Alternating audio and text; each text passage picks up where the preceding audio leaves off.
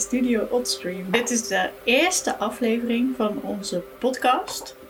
Die we nu maken naar aanleiding van uh, onze, ons project Hidden Structures, waarover later meer. Uh, misschien eerst iets meer, iets meer over Oddstream voor de mensen die niet bekend met ons zijn. En iets meer over onszelf. Uh, naast mij zit Anne. Hoi Anne. Hoi. um, kun jij iets vertellen over Oddstream? Iets vertellen over Oddstream. Oké. Okay. Um, Oddstream is een uh, organisatie die zich bezighoudt met kunst en technologie. En dat doen we op verschillende manieren. Bijvoorbeeld door het organiseren van uh, exposities. Waarvan we er in oktober eentje in Arnhem hadden. Um, daarnaast hebben we ook uh, veel educatieonderdelen. Zoals lessen op scholen. Cursussen voor kinderen, voor volwassenen. Waarbij het altijd gaat over technologie en de invloed die technologie kan hebben op je leven. Maar vooral bekeken vanuit een soort uh, kunstperspectief. Mm -hmm. Dat is wat we doen. En daarnaast ehm, organiseren we ook meetups. Nodigen we kunstenaars uit. nodigen we ook kunstenaars uit om werk te maken voor een bepaald project. En nog veel meer. Af en toe wat er voorbij komt, hè? Zoals een podcast. Zoals een podcast. ja, um, hoe kwamen we eigenlijk op dit idee? Iedereen maakt een podcast, dus wij moeten er ook eentje maken. Ja. Nee, geen idee hoe we erop kwamen. Volgens mij heb ik een poosje geleden gezegd... Oh, Lieke, dat is altijd mijn droom om te doen. Vroeger wilde ik radiopresentator worden. Echt? Want toen zat ik bij Beeld en Geluid... En daar hadden ze zo'n hele studio, dat museum daar. En ik denk dat ik acht was of zo. En dan kon je met al die knopjes allemaal dingen doen. Toen dacht ik, dit is echt mijn roeping. Dus ik ben heel blij dat jullie hier met mij zitten om een podcast te maken. Vijftien jaar later. Vijftien jaar later, inderdaad. Uh, goed. Dat over Oddstream. Lieke, wie ben jij? Heel kort. Um, nou, ik ben Lieke Wouters, curator van Oddstream. Um, dus ik bedenk de thema's die we um, ja, naar voren willen brengen tijdens exposities en meetups en uh, uh, lezingen. En heb contact met de kunstenaars als ze nieuw werk maken. Um, dat soort dingen. En jij, Anne? En ik. Ehm, nou, ik help jou een beetje met de dingen die je net noemde. ik heb ooit stage gelopen bij Oddstream, vooral bij de educatie. En zo ben ik nog een beetje blijven hangen. Mm -hmm. Misschien iets over, uh, even zodat de luisteraars een soort beeld kunnen vormen. We zitten in een mooi opslaghok, wat ook redelijk typisch Oddstream is, want het staat vol met dozen, met oude boxen, computers, 3D-printers, een heel groot tv-scherm. Uh, maar het is hier wel lekker rustig. Ja. Dus we dachten, dit zal vast een uh, goede plek zijn. Dat klopt. Ja, we hebben deze eerste aflevering, ik zal even um, uh, zeggen wat, wat, we gaan doen deze eerste aflevering. We hadden het over hidden structures en dat zal ook centraal staan in um, deze aflevering. Uh, we hebben straks een interview um, uh, die we opnamen tijdens de expositie met uh, kunstenaar Sander Veenhoff. En daarna hebben we een voordracht van een schrijver die we via de Wintertuin in Nijmegen hebben uitgenodigd. En hij heeft een tekst geschreven naar aanleiding van een van de werken die in de expositie um, te zien was. Lieke, je had het over uh, Hidden Structures, wat het thema was van het hele project wat we dit jaar hebben gedaan. Mm -hmm. um, hidden Structures zou je kunnen vertalen als verborgen structuren, maar wat bedoel je daar eigenlijk mee? Nou, eigenlijk um, de hoofdvraag in principe van het project is uh, hoe ziet het internet eruit? En dat is een vraag die uh, mensen niet vaak stellen, uh, maar die daardoor niet minder belangrijk is en best wel lastig is om te beantwoorden. Um, dus dat is een vraag die we onszelf hebben gesteld, die we ons publiek hebben gesteld en ons netwerk. Dus eigenlijk gewoon, we hebben kunstenaars gevraagd te reageren op, verborgen, ja, op het thema van verborgen structuren en hoe dat internet eruit ziet. Um, ja. En dat is over het internet. Ik denk dat dat ook best, best een moeilijke vraag is. Mensen denken dat het internet een beetje door de lucht heen vliegt of zo. Want zo werkt het toch met wifi. um, Maar wat ik wel terugzag in het hele project is dat ook op het moment dat mensen zich een beetje een beeld kunnen vormen van hoe het internet eruit ziet, of hoe bijvoorbeeld algoritmes eruit zien, dan kunnen ze zich ook uh, wat meer toeleggen op de vraag: maar hoe werkt het dan? En wie heeft daar invloed op? En wat voor invloed heeft het op mij? Um, ik denk als we naar invloed op mij gaan kijken, tot dat al best wel aansluit bij. Uh... Het werk dat Sander Veenhoff heeft gemaakt uh, op uitnodiging van Oddstream. Dat heet uh, If This Then I. En dat is een soort performance um, van het publiek zelf met, met hun telefoon. Mm -hmm. um, If This Then I gaat eigenlijk inderdaad over uh, het bepalende van algoritmes voor jou doen en laten. Um, en in het, het werk waarin Sander dus bij het interview dat, uh, dat we dadelijk gaan luisteren, uh, waar, waar hij het al over heeft, is van je kunt zelf taken uh, instellen, maar je moet die taken ook uitvoeren, waarin je dus wel een beetje zeggenschap krijgt over wat je doet. Maar daarbij word je je wel direct bewust van hoe sturend dat eigenlijk allemaal is. Mm -hmm.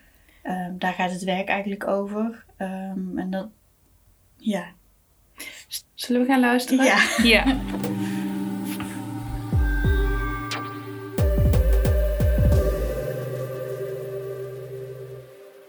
We zitten in een uh, bijzondere ruimte. We zitten namelijk in een kelder. Misschien hoor je het een beetje galmen. Misschien hoor je achtergrondgeluid van een ander kunstwerk wat een paar ruimtes verderop staat. En uh, ik zit hier in het uh, donker met Sanne Veenhoff. Hallo, Hallo. Sander. Hoe gaat het? Goed. Goed, fijn. Um, Sanne, jij hebt een uh, werk op onze expositie staan. En dat werk heet If This Then I. Mm -hmm. Kan je daar iets meer over vertellen? Ja, het is een, het is een interactief werk. En het is eigenlijk een, een soort performance die je meemaakt, waarin je zelf de hoofdrol speelt. het is een systeem waarbij je met je mobiele telefoon regels opstelt voor jezelf. En vervolgens volg je die regels keurig op. En het systeem houdt wel ondertussen bij wat iedereen aan het doen is. Dus als je regels instelt, bijvoorbeeld van ik uh, ga opstaan als iemand onder de tafel zit, mm -hmm. dan moet je dat ook doen als iemand onder de tafel zit. En iemand gaat bijvoorbeeld onder de tafel zitten als jij, als die persoon heeft ingesteld van ik ga onder de tafel zitten als uh, iemand zingt. Oké. Okay. Dus het, het, kan alle kanten opgaan. Uh, dus het, het, is een beetje theatraal. En ik heb het samen ontwikkeld met uh, Joris van Binnen van de Kwekerij. Mm -hmm. Maar waar het, waar het project eigenlijk over gaat, is gewoon de aansturing die we momenteel altijd al voelen met onze telefoon. En dat, dat wordt in de toekomst nog steeds meer. Oké. Okay.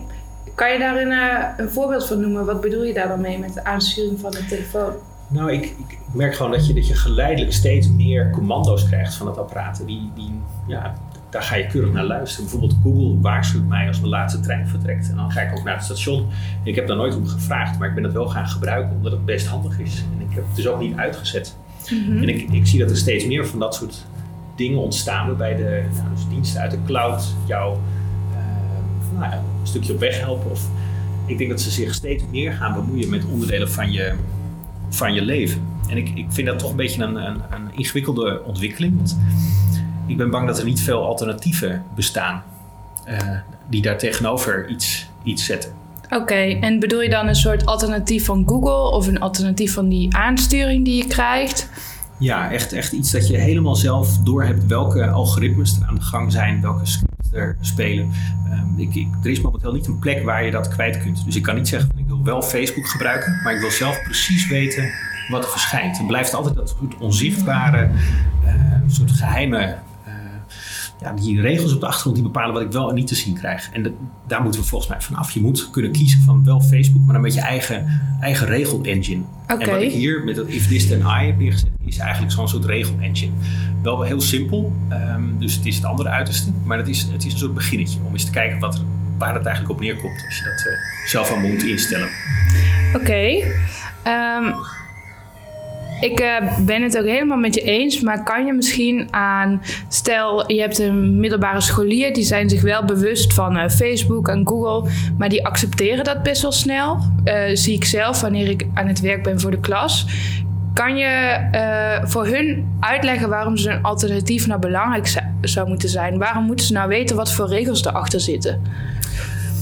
Ja, ik, ik denk dat je, je, kan het nu kijken en naar de toekomst. En ik denk dat het misschien dat het in het nu nog niet echt een, een, een probleem is.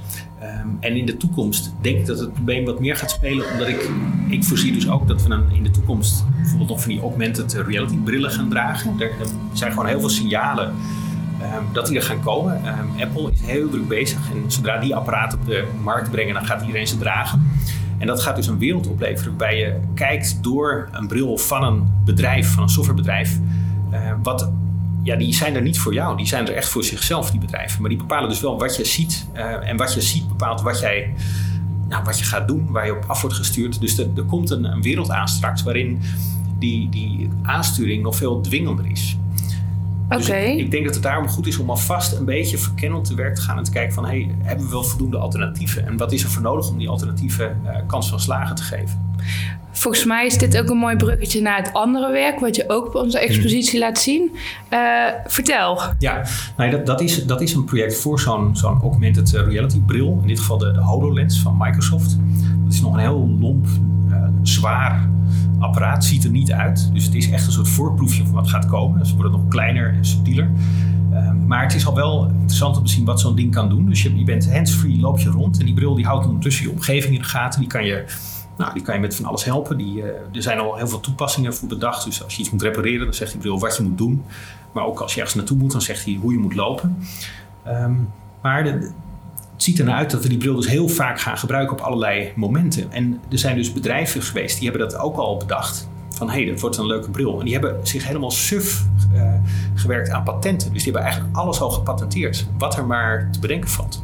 Wat er bedenken valt voor die Ja, bril? dus kijk, of- je kan je voorstellen, je staat te koken met die bril op en je ziet ondertussen gewoon het recept voor je, voor je neus. En je praat tegen de bril en er verschijnen andere stukken van het recept. Maar daar zit dus al een patent op.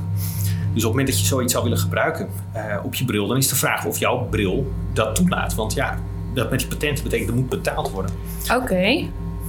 Ehm, wat raar eigenlijk. Kan je dus een patent aanvragen op een recept? Nou, niet zozeer op het recept, maar wel het, het verschijnen van het recept op je bril. Oké. En zo zijn er meer handelingen. Ehm, nou ja, er is bijvoorbeeld ook een, ook een app, dan, dan word je op tijd gewaarschuwd als je wilt oversteken. Dan houdt die bril in de gaten hoe veilig het verkeer is en of je hem kan oversteken. Mhm. Ehm, er zit een patent op. Dus dat betekent dan ook dat mensen met een bepaalde bril worden daarmee geholpen. En andere mensen zullen dat toch gewoon zelf moeten blijven doen. Dan zeg je, nou, dat is niet zo erg. Hè? Dat Oké. is op zich goed dat je het zelf blijft doen. Maar het is natuurlijk wel raar dat bepaalde soorten, ja, een beetje een soort menselijk handelen valt zo langzamerhand ook onder zo'n. eh, onder, onder dat, dat patentdeel. Dat is niet helemaal zo. Het gaat om de software. Maar bijvoorbeeld handgebaren. Als je met je, met je handen een hart, hartjesgebaar maakt. hè, Om aan te geven dat je iets leuk vindt. Eh, Google heeft het patent op het herkennen van zo'n gebaar. Wauw. Dus dat betekent dat als, als ik dat voor mijn Microsoft bril doe, dan ja, gebeurt er niks. Want dat kunnen ze niet doen. Of ze moeten gaan betalen. Dus er is nu al een ontzettende strijd gaande. ehm, om, om zeg maar, ja, iedereen probeert het nu alvast te claimen en daar straks rijk van te worden. Oké, dat is over de patenten met zo'n HoloLens. Ehm, hoe ziet jouw werk er dan uit? Wat, wat doe je daarmee? Nou ja, de, ik zat me inderdaad, ik, ik, ik kwam hierop uit en denk, hoe maak ik hier een, eh, hoe maak ik dit inzichtelijk? Hoe, hoe, hoe laat ik dit, hoe, hoe breng ik dit over? Niet als een, als een moeilijk verhaal, maar gewoon iets wat je zelf ervaart. En daar is natuurlijk die bril dan ook weer heel geschikt voor. Dus ik heb een app gemaakt die doet dan beeldherkenning. Die kijkt om je heen, die ziet bepaalde dingen, zoekt dan in een patentdatabase naar eventuele patenten die daar van zijn. En die krijg je volgens voor je kiezen, maar dan met een soort eh, beperking. Er wordt gezegd van ja, sorry, maar ik, ik kan niks eh, eh, vertellen over waar je nu naar kijkt, want je hebt er naar gewezen en wijzen naar gebouwen en informatie opvragen. Ja, daar zit een patent op. Oké. En zo gaat het maar door. Dus als je, als je een computer bekijkt, dan zegt het ding, ja, sorry, ik kan je niet helpen met het vertonen van de manual hierbij voor de computer, want ja, het eh, zit een patent op. En dan, dan na zeven patenten, dan gaat er een enorme toeter af. Een noodsignaal. Dan wordt er gezegd: ja, sorry, te veel patenten. Oké. Afzetten die bril. En dan zetten mensen hem af. En dan is het leuk om een beetje na te praten van ja, wat, ja, wat, wat heb je nu ervaren? En, en, eh, omdat je het echt, omdat je er zelf in rondloopt en het ook echt gaat over dingen om je heen, Mhm. ehm, lijkt het allemaal te kloppen. En denk je echt van, oh, dit, dit is inderdaad echt aan de hand. Dus het, het, het geeft daarmee inzicht in een soort onzichtbare werkelijkheid, die ook echt al wel hier nu aan de hand is. Ik denk dat dat ook mooi aansluit bij het thema wat we hebben voor de expositie nu. Dat is uh, hidden structures of verborgen structuren. En ik zie dat jij daar op heel veel momenten mee bezig bent. Maar ik vind, het, ik vind je werk vaak ook wel een beetje grappig. Of het kan ook leuk zijn. Ja. Uh, is het bewust of uh, komt het daar toch vaak op uit? Nee, ik, ik doe dat ook wel bewust. Omdat ik, ik, ik vind zelf techniek ook best wel fascinerend. Um, kijk, ik, ik zie best wel uit naar, naar alle mogelijkheden die het biedt. En zeker omdat ik die dingen kan maken. Dus het, het feit dat je met augmented reality eigenlijk alles kan verzinnen wat je maar wil. Je kan het neerzetten op plekken waar je wil. Alles kan. Maar dan moet het wel de goede kant op gaan. Als dat een techniek wordt waarbij iedereen denkt van... oh, dat moeten we echt niet hebben. En dat er een soort strijd ontstaat. Kijk, Google Glass was mislukt. Omdat het, mhm. dat trokken mensen niet. Dus het moet, als het een keer gebeurt, moet het wel goed gebeuren. Dus dan moet wel, het moet wel kloppen. Dus ik vind het ook wel van belang dat mensen daarin meegaan. En ik denk dat je, dat je, je, hebt niet zoveel aan twee kampen, zeg maar, strijd en, en de, de, de, de grote techcom bedrijven die dat gaan lopen pushen. Dus je hebt een soort middenweg nodig. Dus je moet ook aangeven, hé, hey, er zitten ook leuke kanten mhm. aan. En dat probeer ik dan ook te benadrukken. Ehm, ja, dus ik, ik ben ook niet een zwartkijker in die zin. Dus ik, ik, laat wel, ik denk dat het belangrijk is dat je je gewoon bewust bent van bepaalde dingen. En het is beter om dat op tijd te zijn dan wanneer het te laat is. En een, een leuk verhaal pakt gewoon momenteel ietsje denk ik makkelijker dan, dan dat het mhm. heel moeilijk maakt. Dan denk ik, nou dat probleem dat zien we over tien jaar wel. Ja, ja. Zie je uh, dat laten zien van een middenweg ook als jouw taak als kunstenaar? Ah, ja, zeker. Omdat ik, ik merk zeker in die techniekwereld dat er een, een heel groot tussengebied is waar, waar, het heel, waar heel weinig gebeurt. Dus je hebt als je een heel goed plan hebt, dan vraagt iedereen gelijk van ah, wat is het businessmodel? En alleen de dingen waar alles helemaal klopt, dat wordt dan ontwikkeld. En het is ook, techniek is vaak heel moeilijk te maken. Dus pas dan gaat het verder naar een verdere uitontwikkeling. Uh, en zelfs in de kunstsector is het ook best moeilijk om een, om een soort, soort project wat nog niet helemaal duidelijk is, om dat gefinancierd te krijgen. Omdat men vaak al gelijk wil weten van ja, gaat het succesvol zijn? Klopt het? Uh, hoeveel mensen gaan het zien? Dus er is, er is momenteel heel weinig ruimte om dingen te ontwikkelen die ja, of misschien kunnen mislukken, of die een beetje, een beetje ja, daartussenin zitten. Geen mm -hmm. businessmodel. En die HoloLens is momenteel bijvoorbeeld. Het is best wel heel lastig om daarvoor voor te ontwikkelen. Maar daarom denk ik het goed dat er een soort kunstsector is die, die toch dat deel uh, op zich neemt. En daar, uh, ja, daar toch dingen mee doet die, die een, een, punt maken. Net zoals dat je vroeger ook activistische kunst had, dat, dat moet ook gewoon in die techwereld blijven mm -hmm. kunnen. Ja, wat mooi. Ik uh, kan me daar ook wel in vinden. Ik heb nog uh, één vraag om mee af te sluiten. Even voor de luisteraars. Ik heb hier voor mij een soort uh, knop liggen en die kan aan en uit. En op dit moment staat die aan en dan geeft hij een mooi roze lampje. Aan jou, Sander, de vraag: sta jij altijd aan? Nee, helemaal niet. Nee, ik ben, uh, ik ben, wat dat betreft ben ik zeg maar bijvoorbeeld heel ouderwets. Ik hou heel erg van e-mailen. Mm -hmm. En dat is omdat ik, ik krijg gewoon e-mails binnen en dan doe ik er niks mee. En dan blijft ze keurig in mijn outbox zitten totdat ik, het, uh, of in, tot, tot ik ze ga beantwoorden. Ik hou bijvoorbeeld helemaal niet van WhatsApp. Dat ik bezig ben dat er in één keer iemand op dat moment reactie verwacht. Mm -hmm. um, dus ik, nee, ik, ik ben heel erg... Uh, aan de ene kant ben ik graag online als ik het zelf beheers. Als ik zelf de dingen doe en maak. Maar niet altijd, nee. Oké. Okay. Sander, dankjewel. Ik vond het een fijn gesprek. Ja, ik ook. En tot later.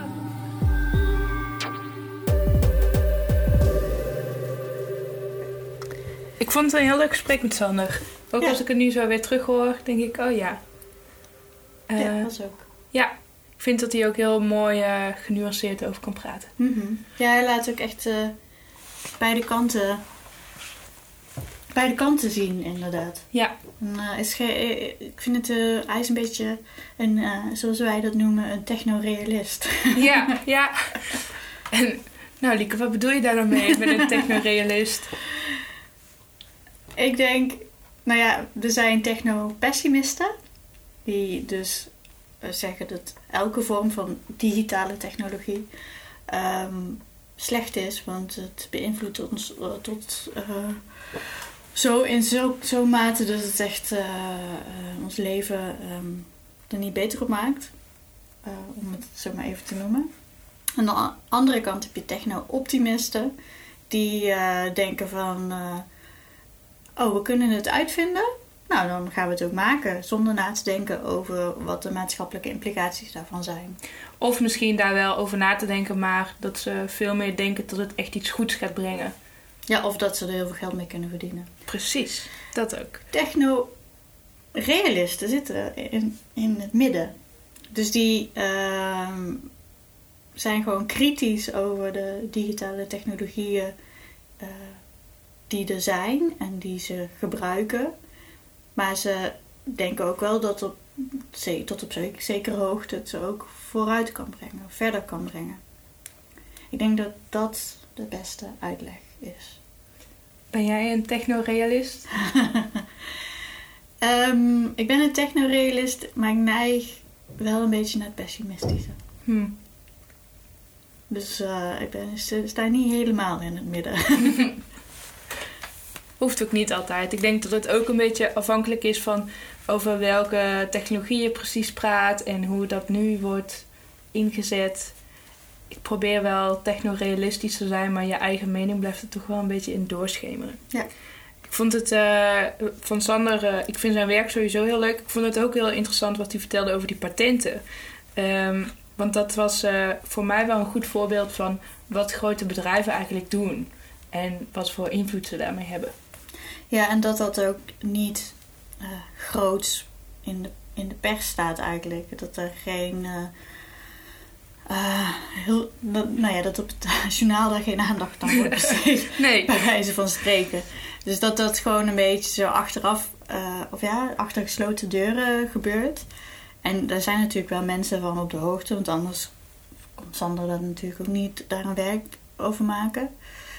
Maar dat dat gewoon, dat vind ik wel kwalijk, dat dat, dat soort feiten niet in het algemeen bewustzijn Mhm. zich daarin bevinden. Dus ehm, daarom is het goed dat, dat, er- dat er kunstenaars zijn die dit soort details, of details, maar dit soort dingen wel weten en naar aanleiding leiding daarvan werken kunnen maken die mensen toch wel aan het denken zetten. Ja. Op de achtergrond hoorde je trouwens eh, het werk eh, Demon. Eh, dus dat was het gepiep. Maar ja, wat je af en toe even hoorde. ja. Ehm, dat was een installatie die eigenlijk ging over de continue aanwezigheid van kunstmatige intelligentie. Wat weer een totaal ander onderwerp is. Maar het past wel goed eh, hierbij, want het was ook continu aanwezig. Ja. Soms een beetje meer en soms een beetje minder. Ik hoop eh, dat jullie daar geen last van hebben gehad. Ehm, over If This Then I en over Sander Veenhoff. Ehm, 17 januari. Eh, 2019. 2019, niet eh, afgelopen januari. Ehm, organiseren wij een meetup, die we ook wel Odd Café noemen. Eh, die heet Program or Be Programmed. En waarin Sander te gast is. En waarin we dus If This Then I weer gaan doen. En, eh, ehm, dus de performance zelf met alle aanwezigen. En daar gaan we dan over napraten. Over in hoeverre jij zelf programmeert of moet kunnen programmeren eh, om invloed te hebben op, op die eh, verborgen structuren. Of dat je geprogrammeerd wordt. Ehm, meer informatie eh, is te vinden op onze website of op Facebook.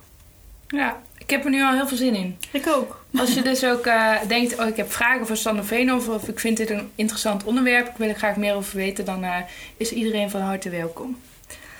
Eh, de volgende rubriek is een samenwerking met de Wintertuin. Eh, de Wintertuin is, eigenlijk, is onderdeel van de nieuwe Oost. Ehm, en zij zijn vooral bezig met eh, literatuur. Mhm. En eh, we hebben drie schrijvers uitgenodigd om ehm, de expositie te bezoeken. Die dus afgelopen oktober plaatsvond. En een werk uit te kiezen en daar een tekst over te schrijven. En ook een voordracht. Ja, die ook voor te dragen. En eh, de eerste is nu te horen.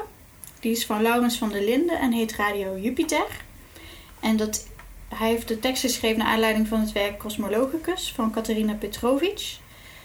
Wat eh, een installatie was die nogal tot de verbeelding sprak, omdat ehm, om, het is ook een heel complex werk, maar om eh, het in één zin uit te leggen, is het een installatie die eh, de radiogolven of radio-emissies van Jupiter poëzie laat maken. Ja, En naar aanleiding daarvan schreef Laurens van der Linden Radio Jupiter. En daar gaan we nu naar luisteren.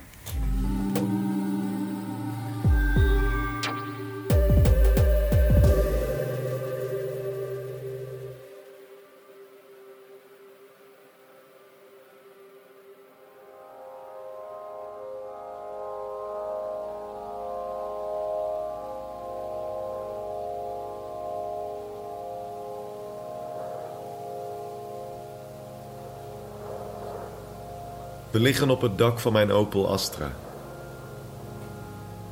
Ik wijs naar een vonk die een streep door de hemel trekt. Onze benen bungelen over de rand, tikken tegen de achteruit alsof ik niet vanmiddag door de wasstraat ben geweest. Ik wijs en ik weet dat dat het International Space Station is en dat daar dus mensen in zitten. Dat wij dat zien, dat wij dat zouden kunnen zijn. En omdat ik niets wil zeggen, blijf ik maar praten over de bemanning aan boord en de sla aan boord en de erwten en de radijsjes aan boord. Radijsjes die me altijd zo aan raketten doen denken. Dat herken je vast wel, to totdat je me onderbreekt. Het ISS vliegt elke dag wel een keer over. Je steekt het laatste lichtpuntje van de joint nog een keer aan. De helft van de tijd is het gewoon licht. Dan kun je het niet eens zien. Je zet de radio aan en hard. We leven allemaal in deze liedtekst, fluister ik in je oor. Waarop jij zegt dat je het nummer niet kent.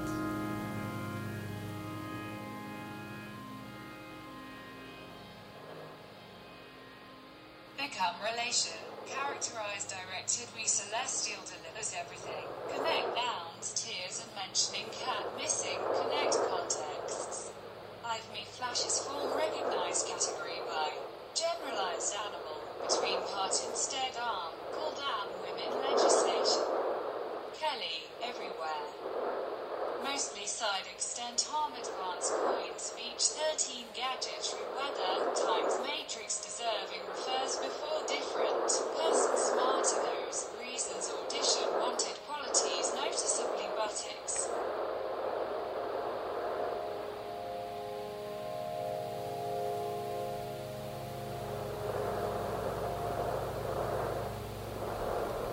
Ik leer de Enigma-code om je brieven te kunnen ontcijferen. Je geeft me nog steeds koosnaampjes rondom thema's die jou meer dan mij interesseren. Je zult zeggen dat je het niet in de gaten hebt. Je kunt niet houden van de zon, schrijf je, of de maan, of Venus en Mars. Jupiter heeft ringen en ook daarvan kun je niet houden. Het maakt me echt niet zoveel uit of je wel of niet terugkomt, maar het zou fijn zijn om te weten of je mijn berichten ontvangt. Knipper twee keer met je licht als je dit leest, ook als het dag is.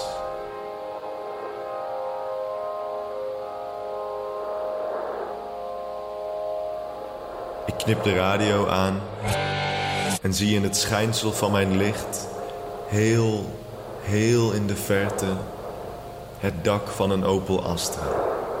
En de mensen die erop naar andere dingen liggen te wijzen.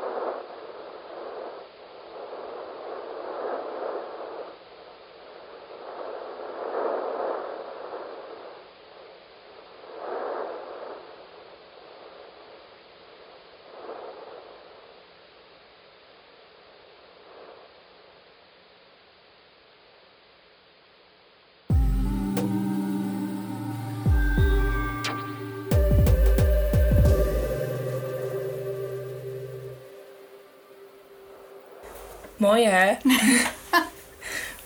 Ja, ik vond het een heel mooie. We hadden het er net al over dat we eigenlijk niet zo goed weten wat we hier nog over moeten zeggen. Dus dat gaan we denk ik ook niet doen. Nee.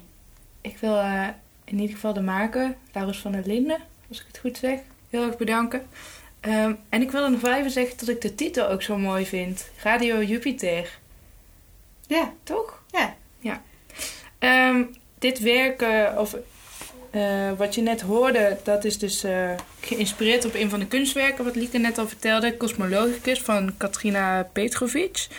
En als ik het goed heb, eh, gaan we het daar de volgende keer over hebben, of niet? Ja, ik heb tijdens de expositie haar geïnterviewd en dat was een, ehm, een, een, een lang, lang gesprek geworden over, de, nee, over het werk zelf en hoe ze daar toe kwam. Wat een best wel interessant, ja, ze is daar op een hele interessante manier is, eh, ehm, eh, heeft ze, is, is geïnspireerd geraakt om dat werk te gaan Mhm. maken. Dat horen we volgende, de volgende keer. Eh, ja. Ehm, en de volgende keer hebben we weer een voordracht van een van de wintertijdschrijvers. En misschien hebben we nog wel meer onderwerpen waarover we heel lang kunnen kletsen. maar ik denk dat we voor vandaag wel rond zijn. Dat denk ik ook. Dan moeten we nu weer zo'n mooie tune hebben waarmee we dan zo eruit gaan. En dat je dan nog heel kort even hoort wie we allemaal gaan bedanken. Want dat is denk ik eh, iemand om zeker niet te vergeten, Thijs Jacobs, die onze tune heeft gemaakt. En ook voor de tips, mentale steun. Dankjewel Thijs. Dankjewel. Wie ik wil bedanken is natuurlijk Sanne Veenhoff. Ja, Laurens van der Linden, nog een keer. Dit waren eh, Lieke Wouters en Anne Hermsen. Dankjewel. dankjewel voor het luisteren.